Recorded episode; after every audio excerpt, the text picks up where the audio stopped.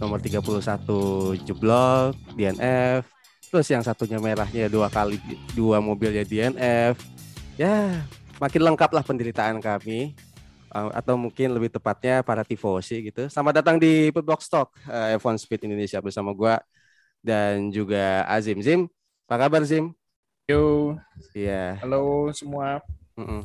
Dan terlebih lagi uh, lumayan spesial karena kita kolaborasi sama Sembalap nih um, dari Cakno, Mas Gor dan Minkak nih. Nanti kita reveal nih siapa orang-orangnya. Tapi uh, ini nih perkenalan dulu nih uh, dari Cak Nuh yang pasti bukan bukan Cak Nahdlatul Ulama. Coba. siap, siap, siap. Aduh. Ya, halo um, Mas Alwi dan Mas Asim dan teman-teman semua di mana pun berada. Um, kenalin aku Cak Nuh. Um, terinspirasinya dari ini ya Cak Nun tapi tak plesetin aja jadi Cak Nuh. um, ya udah gitu aja kayaknya perkenalan pribadinya. Terus um, sekarang saya masih domisili di Jakarta. Iya.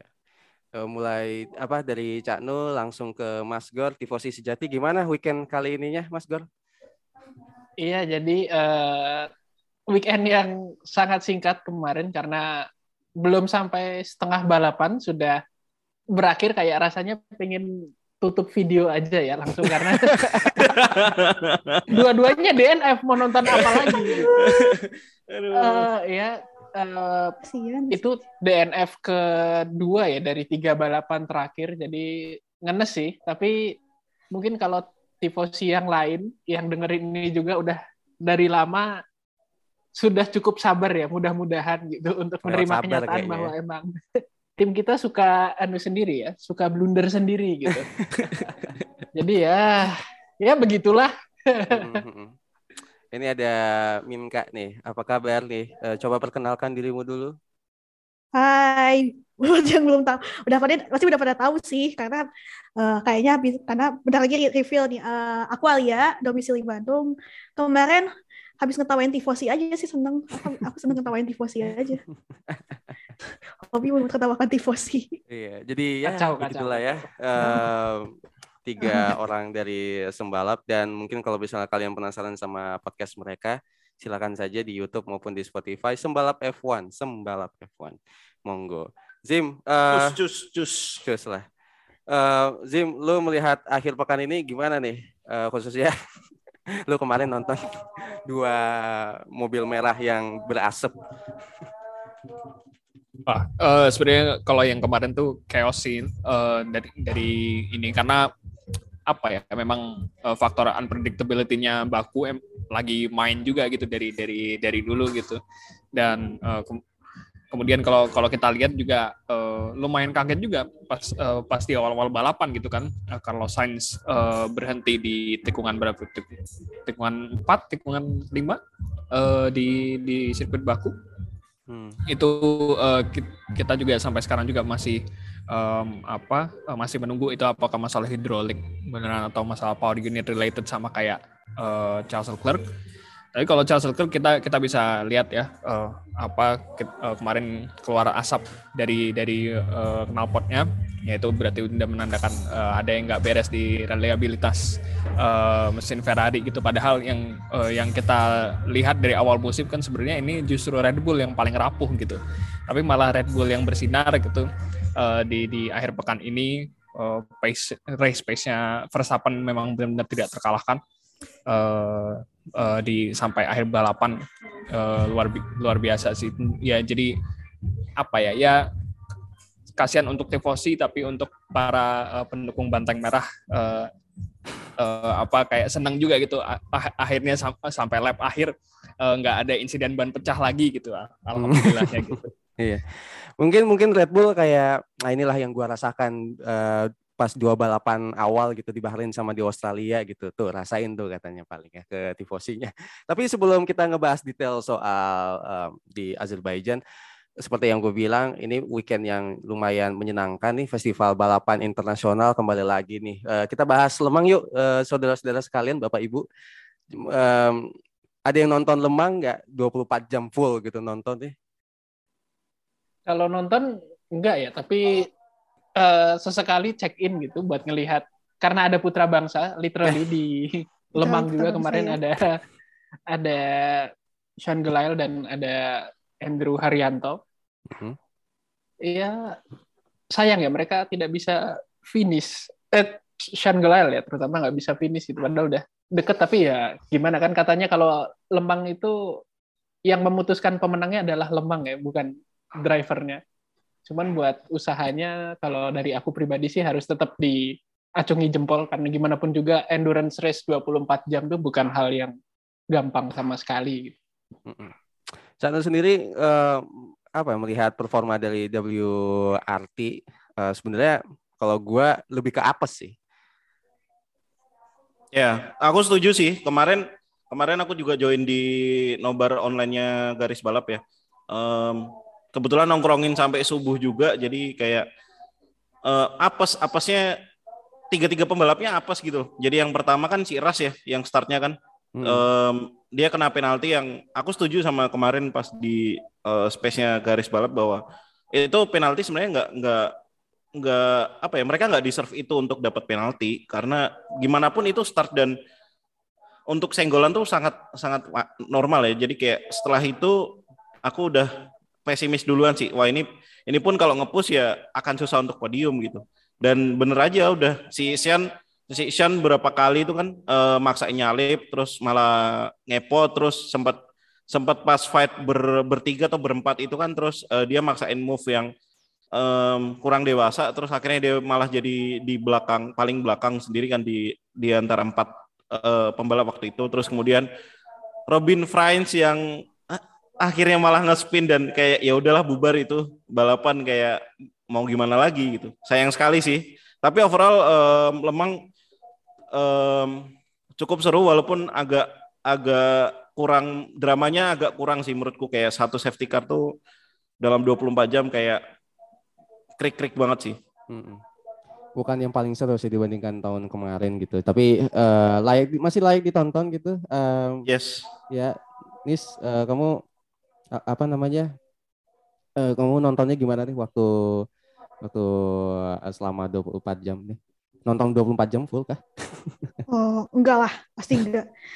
Iya sih kalau aku merasa kayak memang enggak seseru tahun kemarin. Kalau tahun kemarin memang lebih banyak dramanya walaupun mungkin untuk yang untuk beberapa kelas tertentu udah ketebak lah yang menang siapa.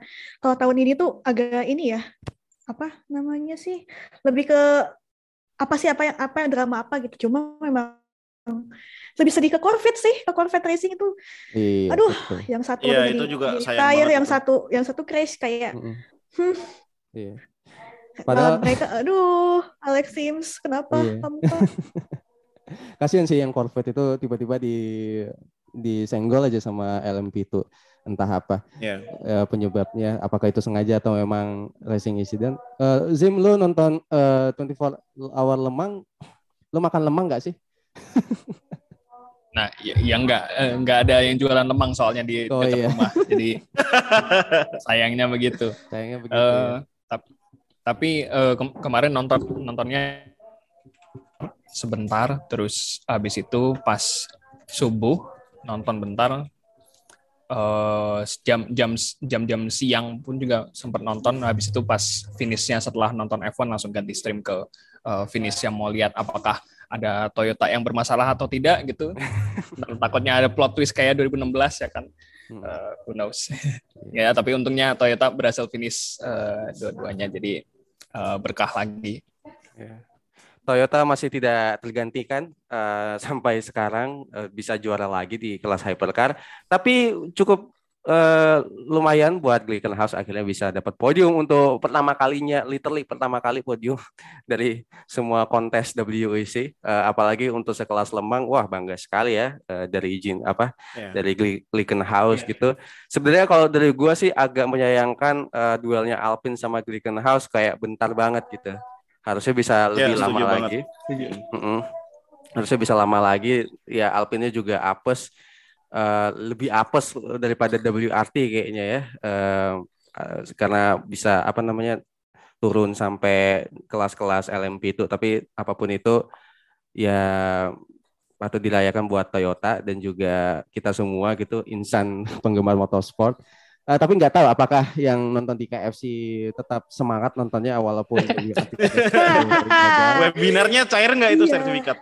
Itu sertifikat tuh beneran Sertifikatnya gimana itu? Enggak, bercanda, bercanda itu gimmick itu. Uh, karena gimmick doang. Mm, iya. Sayangnya di antara kita tidak ada yang nonton di KFC Naughty by Nature ya ataupun di KFC lainnya. Ada yang di Surabaya nggak tahu. Um, gue penasaran sih pas mereka uh, reaksi tiga nomor 31 gagal finish itu bakal gimana gitu. Itu yang nonton di Koi, ada yang nonton di Koi gak sih? Enggak. Um, aku se sesekali lihat. nengok ya, sesekali nengok Kui sih. Mm -mm. Itu sayang katanya sayang banget ya pas pas abis check a flag gak ditayangin ya podium seremoninya gitu ya. Sayang sekali. Iya. iya. Ya, begitu iya. finish tuh, begitu finish langsung webinar, terus webinar bentar, eh ya udah ditutup gitu aja. Iya. Bete kali. Iya ya. Kayak udah lemes kali ya. Argonya iya. udah habis buat live stream kayaknya. billing billing udah ganti. Billing. Iya, billingnya udah habis. udah udah terus ganti layarnya jadi lumba-lumba tuh Lumba-lumba. Aduh ketahuan umurnya. Suwir sekali. Bahkan usia ya, Cak ya. Ketahuan usianya. Iya. Umur gak bisa bohong mari kita tinggalkan uh, eh, WEC gitu sebenarnya masih banyak sih cerita WEC tapi kita namanya juga podcast Speedbox Talk F1 Speed kan masa ngebahas uh, kita fokusnya pasti ngefokus fokus di di F1 gitu. Ini ini jujur kalau menurut gue uh, weekend week race yang tidak terlalu menyenangkan seperti musim kemarin rada membosankan. Mungkin pertama kali membosankan sejak tahun 2016. Zim, lu melihat tiga hari di Baku ini tidak terlalu banyak yang gimana-gimana gitu ya Zim? Ya? Hmm. Nggak terlalu banyak yang uh, apa ya yang uh, unik atau aneh gitu atau apa gitu karena ya unik dan anehnya itu baru-baru kejadian pas hari Minggu itu ketika uh, ya itulah dua merah bermasalah berasap gitu lah gitu. Um, cuman yang uh, dari dari awal sebenarnya juga udah kayak ah ini bakal kayak akhir pekan akhir pekan kayak biasanya gitu yang yang kita biasa lihat itu dia di hari Jumat dan hari Sabtu gitu. Uh, jadi kita ng kita ngelihat uh, perbedaan mencolok antara uh, duet Aston Martin sebenarnya uh, kemarin itu uh, kita lihat dari pace kualifikasinya Vettel dia bisa uh, tembus sampai uh, Q2 gitu. Sementara uh, teammate-nya Lance Stroll juga uh, cuman cuman sampai di di bottom half gitu sam sampai di di belakang belakang grid malah uh, barengan sama Latifi dan akhirnya malah di hari Minggunya Strollnya juga apes gitu. Jadi ada perbedaan yang mencolok sih di, di Aston Martin selain di uh, apa gap antara Ferrari dan Red Bull gitu.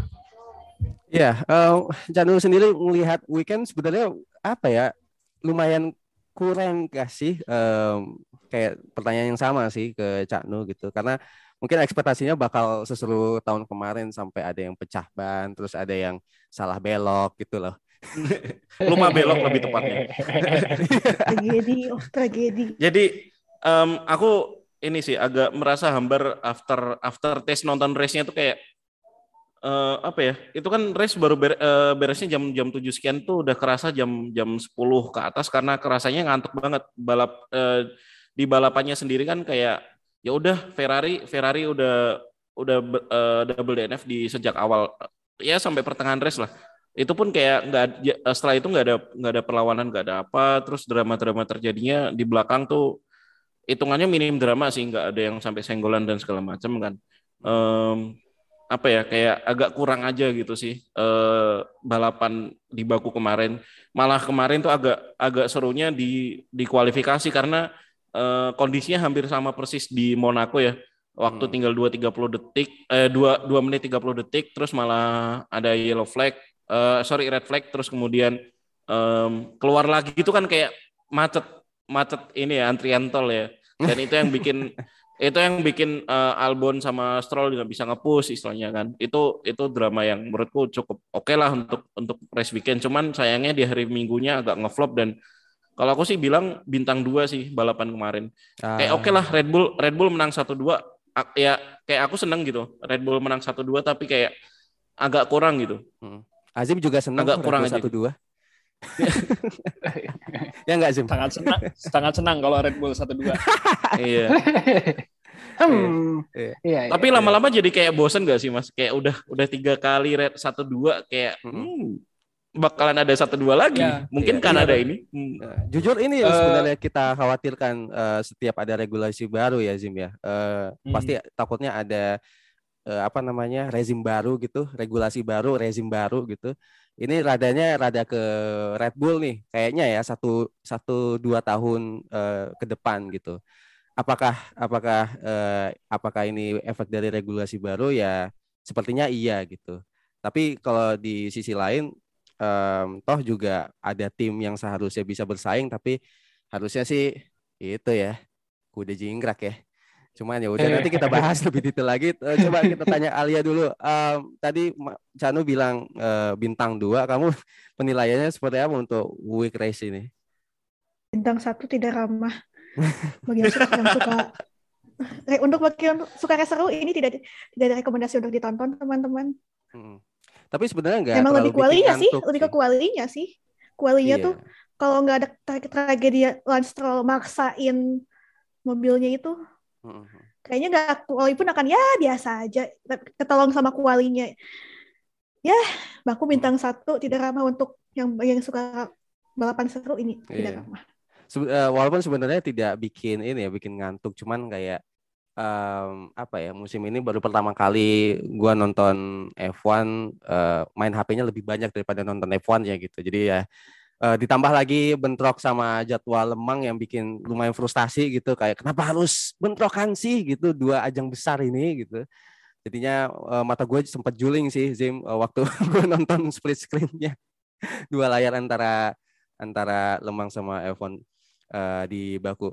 Ini dari tadi kita eh, skip Mas Gor karena eh, nanti dulu nih eh, pembahasannya. Cuman dari gua dari Siap. semua Siap. Udah tahu nih arahnya ke mana. Mas gue udah siapin hati Iya. aja Ntar siapkan ini ya apa nafas dulu Mas Gor. Tapi kalau misalnya dari gua secara umum eh, yang hal yang paling keren di balapan Baku adalah pada saat eh, spinnya Vettel tuh keren banget tuh walaupun eh, apa ya kan robos kok di tikun berapa lupa lagi. Terus cara spin untuk balik lagi ke lintasan tuh keren banget. Nah itu dia itu yang lumayan seru nih. Wah keren banget nih Aston Martin gitu. Eh, tapi sebenarnya ada lagi kayak ah, Lewis apa Lewis lagi iya Lewis Hamilton yang sakit punggung terus encok terus terus apa namanya eh, Yuki Tsunoda pakai lakban. Terus apa- satu lagi apa ya? Em, ada beberapa hal yang lumayan kita bahas tapi kita fokus ke langsung aja lah ke Ferrari ya Mas Gor ya. Eh, coba deh Iya. unek-uneknya dulu Mas Gor.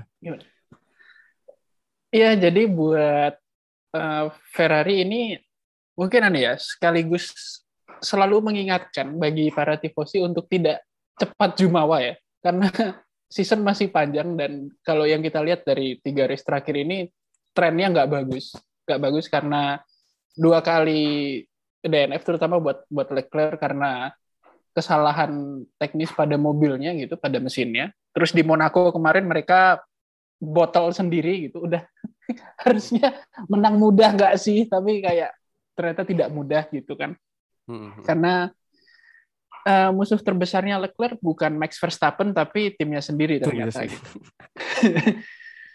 Eh, Aduh, aduh, aduh.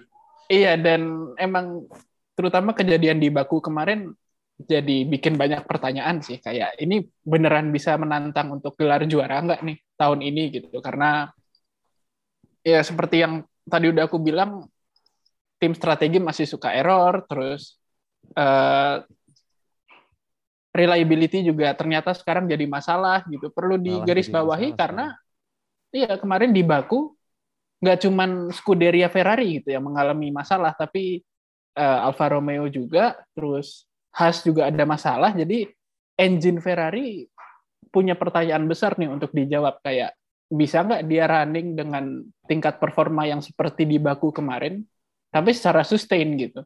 Hmm. atau mereka mau eh, kayak strateginya Alpine aja. Kalau Alpine kan dari awal udah bilang kayak go to hell with reliability pokoknya performance gitu. Jadi mau ganti engine berapa banyak pun nggak masalah. Dan kayak ya, uh, pernyataan Matteo Binotto kemarin kayak gitu sih, uh, mendingin uh, yang penting performa kan.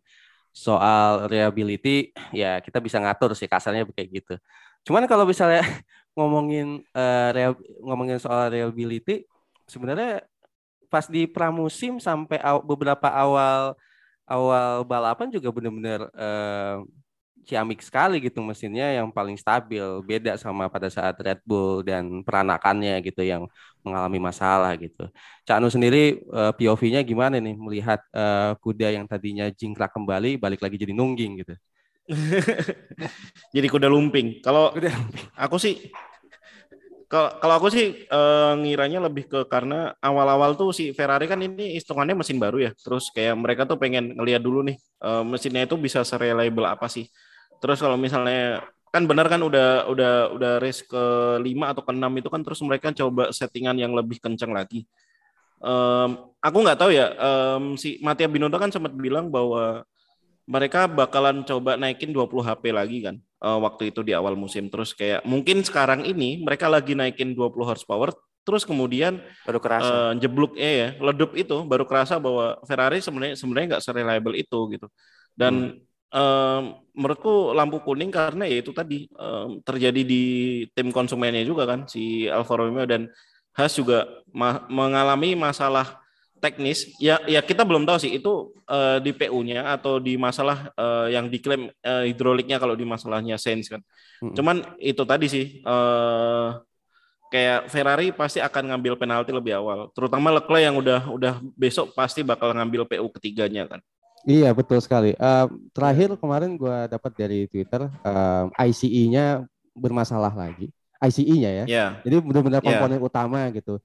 Mas Guar uh, banyak yeah. dari awalnya bilang ini harusnya ganti mesin gitu. Tapi ini jadi malah jatuhnya keseringan ganti mesin nih. Ini apa ya iya. malah malah ambil penalti duluan dari dari Charles Leclerc.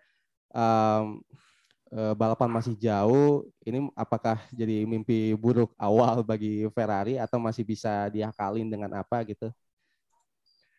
Uh, jelas ya ngambil ngambil penalti lebih awal kan berarti dia harus start di bawah gitu dari dari belakang. Nah, kan kalau orang banyak yang bandingin ah dulu eh kok dulu musim kemarin Mercedes kan juga sebenarnya melakukan hal yang sama ya. Hmm. Uh, Contohnya kayak waktu Hamilton di Brazil dia ngambil engine terus start dari belakang ya udah nggak masalah. Tapi kan eh, kondisinya berbeda gitu. Belum tentu semudah itu ya. Dan lagi jujur agak sanksi sih.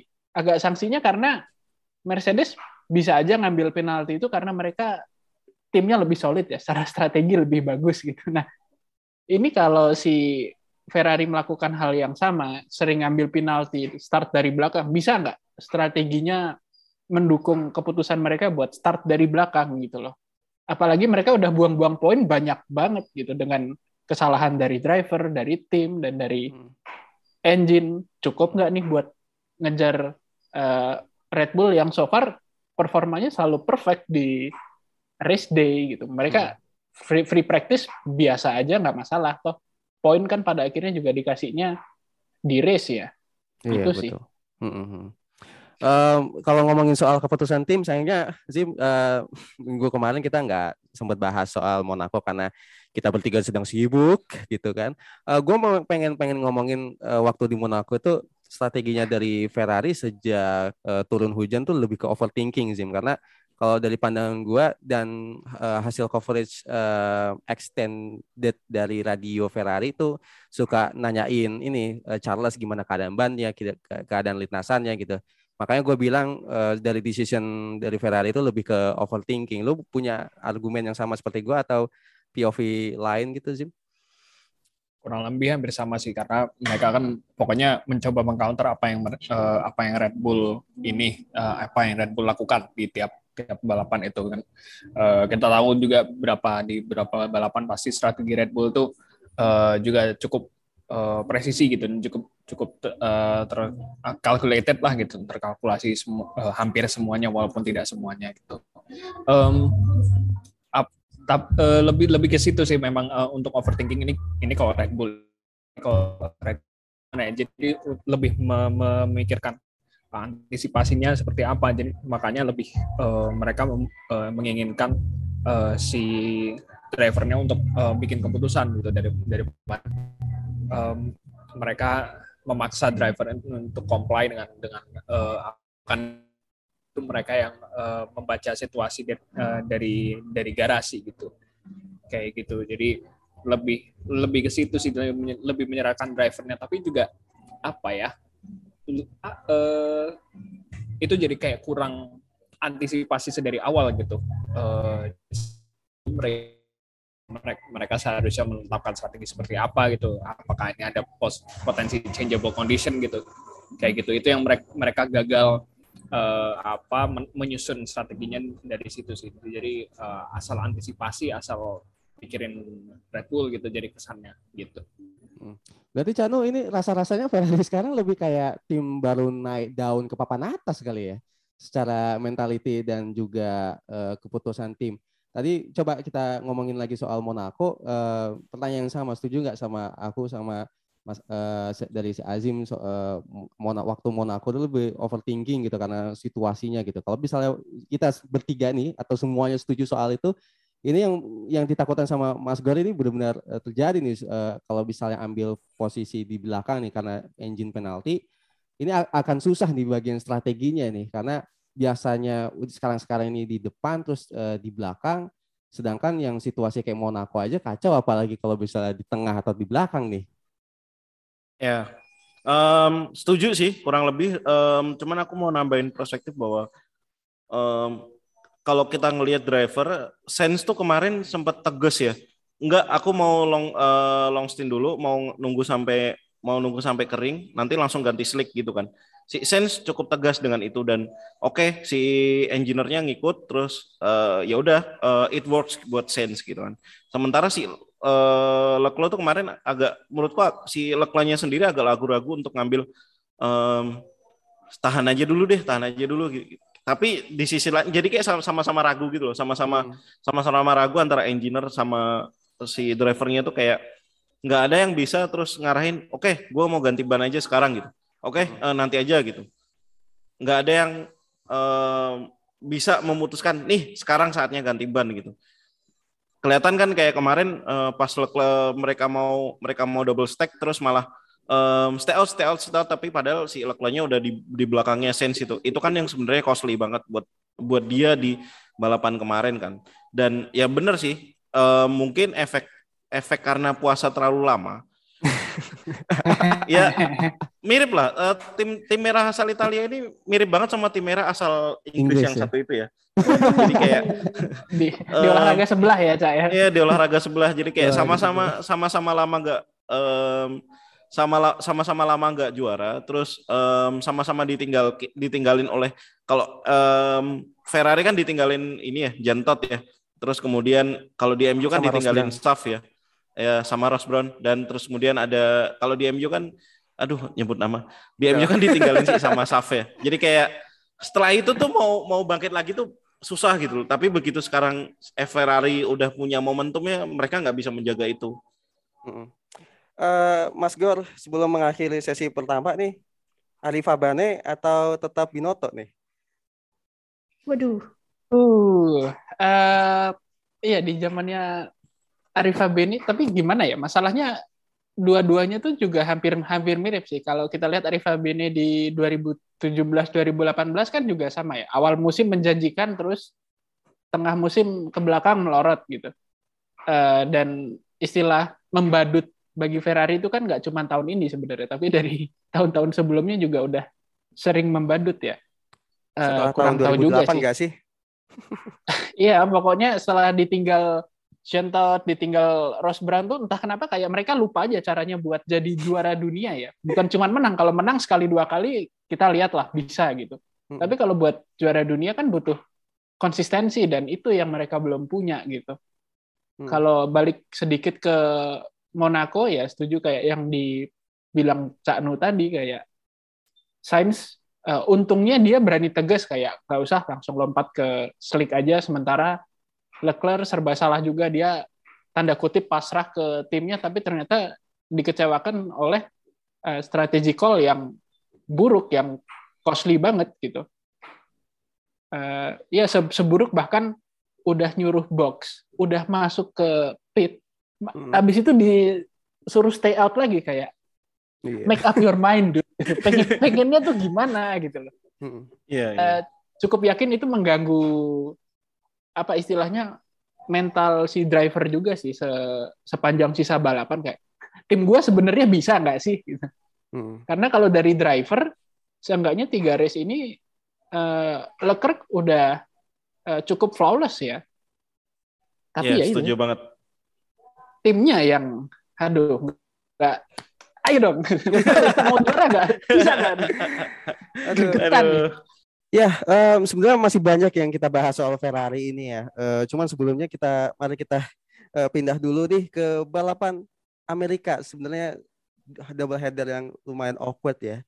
Alia, kamu melihat uh, Kanada ini sebuah kesenangan karena baru balik lagi setelah kemarin-kemarin COVID atau aduh susah lagi nontonnya karena uh, harus ngalong lagi nih begadang nih. Hmm, kayaknya bakal sus untuk kayaknya bakal susah nih lagi bu apa untuk sekarang-sekarang. Jamnya tuh jam jam sangat tidak apa ya tidak manusiawi lah bagi kita orang-orang Asia ini. Apalagi untuk teman-teman yang yang Wita sama WIT ya sama yang Indonesia Timur. Aduh pasti itu jadwal pasti mereka akan marah-marah melihat jadwalnya. Iya jam satu balapannya Cak Nuh. Ini harus gimana? Yeah. speechless. Eh. Kemarin kayak Miami itu udah PR banget nih. Ini sekarang Kanada nih yang um, kalau jam 3 oke okay, masih mending gitu kan. Mungkin pada sahur buat puasa Senin Kamis. Ini kan kalau jam satu kan lebih apa ya? Ya bener-bener dini hari banget, banget nih. Iya. Gimana Cak Nuh nih? Um, kalau kalau aku sih kebetulan karena di pekerjaanku juga udah shift malam jadi kayak udah oh, biasa, udah biasa. Ya. kebangun sampai jam 2 jam 3 gitu jadi kayak ya udah makanan sehari-hari lah um, yeah. cuman kayak emang jamnya jam tanggung sih jam satu kayak uh, mau tidur mau tidur dulu nanggung mau bablas juga istilahnya nanti mesti bablas kalian subuh sekalian kan biasanya terus kayak mm -hmm. ya uh, kita harus ngedeal with it sih karena nanti toh toh di akhir musim bakalan ada tiga tiga, uh, triple header ya yang di Amerika dan itu pasti akan lebih capek. Kebayang sih. Hmm, iya. Ini Mas Gor dari dari apa namanya dari jadwalnya kan uh, baru kali ini kan tahun 2022 yang benar-benar random banget nih habis dari Eropa Asia terus Amerika habis itu Eropa lagi nih Silverstone ya kan. Jadi yeah. um, ya bu, apa nih eh, nggak uh, ideal banget sih tapi seenggaknya balik lagi ke Kanada apa yang Mas Gor expect nih? Uh, ekspektasinya tuh biasa kalau khusus untuk Ferrari yang penting bisa finish dulu tolong. uh, untuk menang mungkin agak agak sedikit sulit ya karena karakteristik Kanada itu lebih cocok ke Red Bull sepertinya. Lagi-lagi ya. Iya, lagi-lagi. Uh, ya nanti kita lihat lah free practice di sana seperti apa gitu. Terus ngelihat lagi juga karena Kanada Bambi kan ada isu porpoising mesti balik lagi sih. Ke nggak nggak cuma Ferrari tapi buat tim-tim lain juga ya karena kemarin di Baku cukup jadi highlights kan. Uh, yeah. porpoising banyak yang mengeluhkan itu gitu. Oh iya sampai sampai lupa ngomongin soal porpoising kemarin ya Zim ya uh, dari FIA udah udah ada tanda-tanda buat turun tangan nih buat ngatasin uh, porpoising tapi ada yang bilang ini akan sulit karena uh, beberapa tim uh, banyak yang nggak setuju sama turun tangan FIA karena ya udah tim gue juga bisa nanganin uh, porpoising ngapain harus turun tangan FIA gitu Jim. Emang topik yang pro kontra banget sih ini emang uh, karena uh, banyak tim-tim yang sudah kayak sudah bisa menangani secara secara baik gitu. Ya kita lihat kita sebut aja Red Bull, McLaren, Alpine gitu kan. Uh, Alpine bahkan uh, secara terang-terangan uh, Al Alonso juga bilang ya udahlah deal with it aja gitu. Um, tapi ada beberapa tim yang ada yang mungkin porpoisingnya tidak terlalu bermasalah kayak Ferrari ada yang justru sangat bermasalah kayak misalnya uh, Alfa Tauri uh, kemudian ada Mercedes gitu kan. Mercedes yang paling vokal soal itu karena mereka yang paling uh, apa kena efeknya dari masalah porpoising itu um, untuk turun tangan mungkin uh, lebih ke kayak mengatur ke sisi teknisnya ya gimana caranya ini untuk uh, uh, keamanan pembalap uh, apa secara teknis mobil nanti uh, bisa di, dipertimbangkan untuk perubahan regulasi mungkin musim depan atau mungkin pertengahan musim ini who knows tapi pertengahan musim ini kayaknya juga impossible gitu karena bisa-bisa uh, tim-tim juga udah pada mentok budget capnya gitu kan. Uh, pengembangannya juga udah nggak cukup waktu mungkin waktunya juga udah nggak cukup. Uh, tapi apa ya uh, mungkin bisa dipertimbangkan untuk musim selanjutnya. Ta, uh, tapi ada mungkin yang tim yang bersikeras, bersikeras karena mereka sudah menyelesaikan masalah tersebut ya berat uh, ya berarti uh, tim itu akhirnya ya udah uh, kita bisa kok nyelesain masalahnya kok uh, kos itu nggak bisa berarti situ yang bermasalah metodenya gitu. Uh, kayak gitu malah jadi saling tunjuk-tunjukkan gitu. Uh, jadi masih uh, up for debate ini. Ini emang benar-benar sangat masih bisa diperdebatkan masih terbuka. Karena di satu sisi uh, kita lihat harus lihat metode uh, R&D-nya seperti apa, research and development-nya masing-masing tim seperti apa, uh, gimana mereka menyelesaikan masalahnya gitu. Tapi kalau untuk Mercedes ya, uh, justru gue lebih optimis uh, mereka lebih cepat se uh, selesai masalahnya duluan karena uh, mereka dengan ris uh, punya resources yang lebih besar gitu dibanding tim-tim lain yang mungkin punya kena masalah ini gitu kayak gitu sih. Tadi Berapa ngomongin soal soal GP Kanada pas pula nih kan back back soundnya si Azim uh, ada Justin Bieber kan pas pula kan orang Kanada kan Justin Bieber ya kan tadi. ya asal jangan kena copyright aja nih habis ini. iya. Ini ngomongin soal pervoicing nih, uh, Mas Gor tadi menarik banget nih. Uh, ataupun Cak Nu bisa bisa ngasih opini. Ini pertanyaan goblok sih. Kenapa harus nunggu board dari tim lain gitu? Kenapa enggak ya udah nih FIA bantu buat tim-tim yang bermasalah udah Mas Gor dulu hmm. Iya. Atau Alia? Uh, ya, anu ya. Kalau buat sebenarnya emang setuju sih tadi katanya Mas Azim pasti pro kontra karena yaitu uh, Red Bull terlihat sudah menyelesaikan masalah perpoisingnya terus McLaren dari awal musim malah kelihatan mobilnya udah paling stabil gitu kan. Ferrari ya sepertinya cukup berdamai dengan porpoisingnya walaupun kayaknya uh, harusnya mereka bisa lebih baik lagi gitu. Makanya kayaknya akan sulit ya untuk FIA juga untuk menerapkan satu aturan karena mesti ada tim-tim yang nggak nggak setuju kayak gue bisa kok kalau lo nggak bisa ya berarti lo yang salah gitu. Terutama buat kasusnya Mercedes ya mereka mencoba konsep yang sangat revolusioner tapi so far kelihatannya belum benar-benar berhasil sih. Jadi ya kita lihat lah. Mungkin sampai sampai tengah musim kalau ternyata purposing ini jadi masalah besar atau sampai ada dampak kesehatan buat driver-driver ya lebih dari satu lebih dari yang kemarin sakit pinggang gitu. Sakit punggung, sorry. Sakit punggung, Mas. Sakit punggung. Sakit punggung, Bagian belakang ya. kalau orang bilang. back, Kasian back pain. Uh -uh. Itu iya, itu sebenarnya antara sedih sama ketawa gitu karena inget umurnya 38. Terus jompo Mas, emang udah jompo. Lagi. gitu. Kalau aku sih aku, aku nambahin dikit aja mungkin uh, instead of FAE mungkin kayaknya Adrian Newey harusnya bikin webinar kali ya nah, buat tim-tim lain yang bermasalah gitu. Banget. Terutama untuk Mercedes, mohon maaf itu sidepodnya kalau emang salah konsep nggak usah nunjuk regulatornya gitu. lu lu salah konsep nih, terus lu nyalain regulatornya gitu. Padahal istilahnya tim lain tuh bisa bisa coba mengurangi itu gitu. Tapi terus kayak istilahnya apa ya? Kayak lu sendiri yang salah, kayak orang kentut deh misalnya lagi di ramen terus ada orang kentut gitu kan nunjuk, uh, yang kentut kan rata-rata malah terus nunjuk orang lain kan iya lu yang kentut kan gitu. Nah Mercedes lagi main mainin posisi itu gitu. Sebenarnya dia mereka sendiri yang salah um, dalam hal development mobil tapi terus mereka nuntut untuk FIA ganti dong regulasinya gitu. Toh kalau misalnya ngomongin ground effect um, di F1 kan juga udah dulu pernah juga kan ada ground effect uh, mobil-mobil dengan ground effect dan ya walaupun akhirnya terus um, dilarang terus kemudian um, nggak ngarah ke sana lagi tapi ya mestinya bisalah di um, mobil itu di develop untuk bisa um, berdamai atau ya udah menyelesaikan masalah itu sama sekali gitu sih.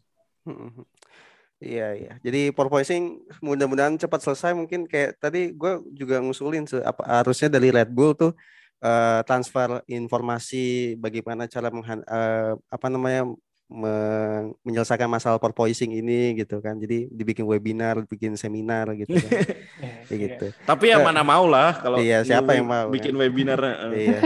Rahasia pabrik. Rahasia pabrik. Rahasia pabrik bener bener. Iya. Uh, balik lagi soal ini nih, soal Kanada nih GP Kanada. Alia, ekspektasi kamu setelah balik uh, setelah pandemi kemarin nih, apa yang kamu harapkan dengan balapan um, di Kanada nih?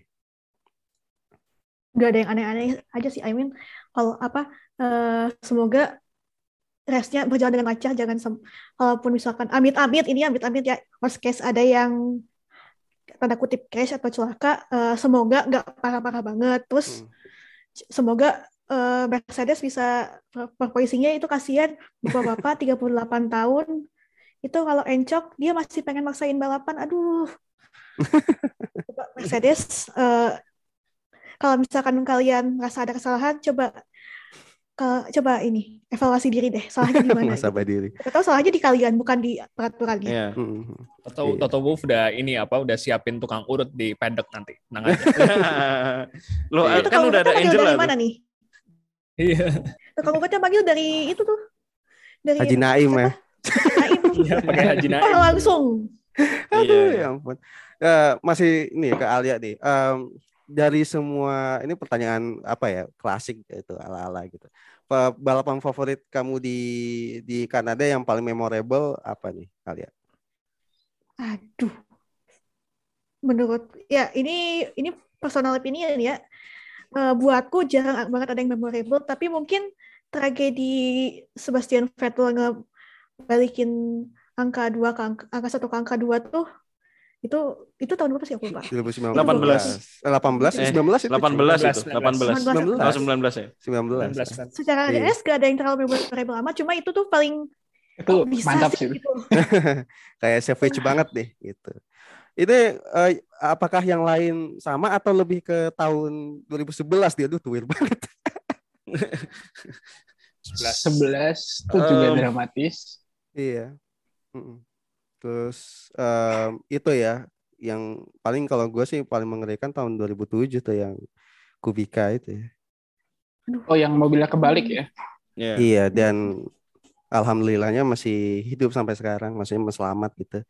Mengingat kecelakaan yang udah terbang terus abis itu ke pembatas guling lagi kan. Wow. Iya. Yeah. Sempat koma gak sih kalau nggak salah dia? Uh, sempat. Iya. Sempat ya. Sempat. Hmm, terus parah itu, emang crash hmm, waktu itu. Iya. Zim, apa yang lo ingat dari Kanada, Zim, kalau boleh tahu?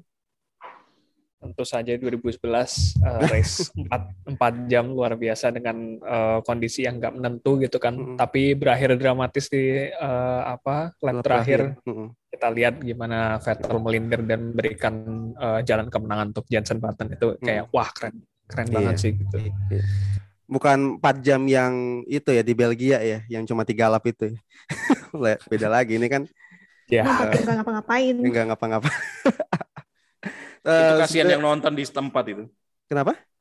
Kasihan yang nonton di tempat kalau Belgia mah. Iya iya. Tapi kan endingnya ini dikasih ini kompensasi gratis buat musim iya, ini kan. Buat Enak musim ini. Tuh. Iya. Uh, gitu.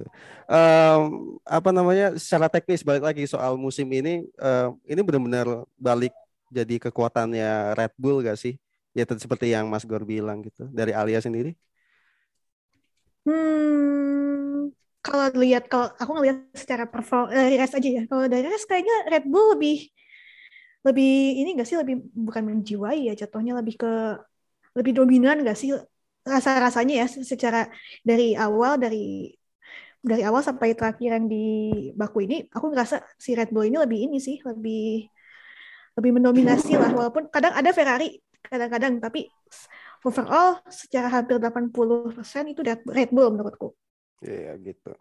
Ya kalau Canu sendiri um, aku jujur sebenarnya agak takut di awal musim ya. Kayak sebagai fans Red Bull terus kemudian Ferrari dengan datang dengan mobil yang lebih lengkap. Menurutku lebih lengkap mobilnya Ferrari waktu itu.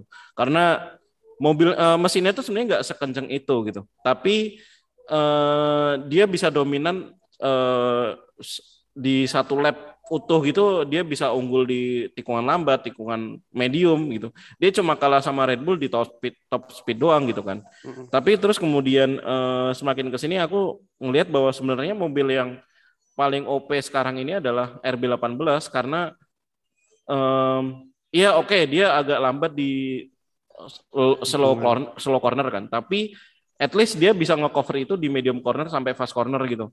Dan top speednya juga OP banget kan Red Bull dengan mobil yang paling efisien um, dan juga mesin yang se-OP itu menurutku um, itu tadi sih bisa do, mungkin dominasi uh, sampai akhir musim ya. Kalau misalnya Ferrari nggak segera menyelesaikan masalah um, PU-nya ya, apalagi nanti September udah mulai engine freeze kan. Dan oh, betul sekali. Dan kalau ngelihat um, kemarin sempat aku baca bahwa mesinnya Red Bull itu sekarang masih di yang paling efisien, masih yang paling bagus secara secara uh, mesinnya ya, mesinnya doang ya. Terus kemudian Ferrari, habis itu Mercedes, terakhir Renault kalau nggak salah, si Alpine. Nah, um, itu sih kayak um, bisa jadi kalau misalnya misalnya engine freeze nanti mesinnya nggak ada pada perbaikan, bisa jadi ya Red Bull bisa dominasi sampai akhir regulasi yang sekarang ini berjalan 2025 gitu. Hmm, harapannya sih gitu. Iya. Uh, tapi kalau dilihat-lihat nih, Zim, uh, dari dari segi layout uh, seperti biasa nih Ferrari akan akan menjadi santapannya itu pas di tikungan-tikungan. Jadi gue melihat sektor satu awal yang jadi uh, santapan empuk buat Ferrari, tapi selebihnya ya mungkin di atas kertas untuk untuk sekarang ini uh, Red Bull sih gitu. Um, tapi uh, terus ke Mas Gor nih, uh, kayaknya pertanyaan terakhir nih uh, soal soal Ferrari nih. Apa yang mesti dilakukan Ferrari supaya tidak jadi Mister Saturday lagi, benar-benar menang gitu? Iya, uh, benar. Mister Saturday buat musim ini gelarnya jatuh ke Leclerc ya. Mungkin dia harusnya cari kejuaraan time trial aja kalau gini. Rally ya. Rally misalnya. Pindah rally sih, time trial merchant banget. Iya, uh, yang perlu dilakukan oleh Ferrari adalah untuk rapih aja sih. Ra rapih dulu aja karena ternyata mereka belum bisa belum bisa rapih gitu. Kelihatan dari tiga race belakangan ya. Kalau dari sisi engine tentu reliability harus cepat segera ditemukan solusinya karena kemarin nggak cuma masalah di tim utama tapi juga di tim customer. Hmm. Uh, ya kalau memang masih mau apa mengganggu dominasi Red Bull ya harus bisa tampil sama perfectnya seenggaknya ya. Dan harusnya sih lebih perfect lagi gitu.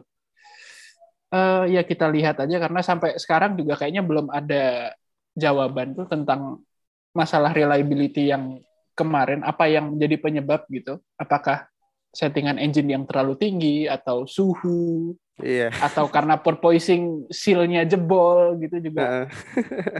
Either way nggak ada yang menguntungkan sih kalau misalnya Ferrari datang dengan jawaban, oh kemarin tuh ternyata karena suhu ya. Masa setiap balapan yang panas Ferrari mesinnya leduk gitu kan? Iya. Nggak mungkin menang juga iya. gitu caranya. Tapi Jadi emang harus... waktu di Baku tuh uh, udah paling sore pun uh, jam balapannya ya tetap kelihatan panas ya. Cuma balik lagi ya, ini ya masa tiap setiap setiap uh, balapan yang suhunya lumayan tinggi ya nggak bisa tahan juga. Kan bukan di Bahrain kan kayak waktu tahun 2004 terus uh, sebelum diganti jadi night race gitu. Um, sebenarnya gini loh uh, kalau dari gue tuh apa ya mau mulai dari mana? Kalau bisa untuk musim ini sebenarnya mereka sudah melakukan apa yang harus mereka lakukan untuk bisa comeback untuk jadi kandidat juara lagi ya Mas Gor ya Cak dan semuanya ya gitu. Jadi uh, tinggal ya balik lagi uh, bagaimana harus memaintain mesin yang bagus uh, terus juga eksekusi jangan overthinking lagi deh kayak Monaco gitu. Sebenarnya kalau ngomongin taktik nih kemarin baku bagus loh. Uh, walaupun yang jadi tumbalnya Carlos Sainz terus VSC ganti ke hard walaupun sebenarnya kata komentatornya uh, rada gambling tapi sebenarnya memang harus dilakukan seperti itu daripada nggak ngapa-ngapain kan Uh, tapi ya yang yang jadi sih ya mesinnya yang meleduk tapi ya udahlah kita tunggu bagaimana uh, apakah persaingan ini masih bisa berlanjut sampai di akhir musim mulai dari Kanada minggu ini. Hope so. Iya, atau mungkin uh, rezim baru nih uh, di regulasi baru dengan dominasi Red Bull uh, atau lebih plot twistnya lagi nih Sergio Perez bakal jadi juara. Wah, who knows ya? Who knows? Who knows? Tapi tapi kita berharap uh, harus ada will to will battle lah lagi like iya. kayak uh, kayak Bas Bahrain semoga. Iya, iya jadi kangen eh. Jadi setuju, kangen loh. Setuju kangen yeah. Bahrain, kangen yeah. uh, apa namanya Jeddah gitu loh. Kangen duelnya mereka. Padahal baru dua balapan aja udah ngangenin gitu. Gitu aja. Ada yang lagi ditambahin mungkin uh, Alia? Uh, cukup deh dari aku itu aja. Oke, okay, itu. Jadi um, minggu minggu ini ngalong lagi saudara-saudara di di Kanada jam satu. Yes. Oh iya. Siap. Ya, udah lama gue nggak ngebacain statistik soal, soal sirkuit. Jadi uh, fun fact aja nih, fun fact.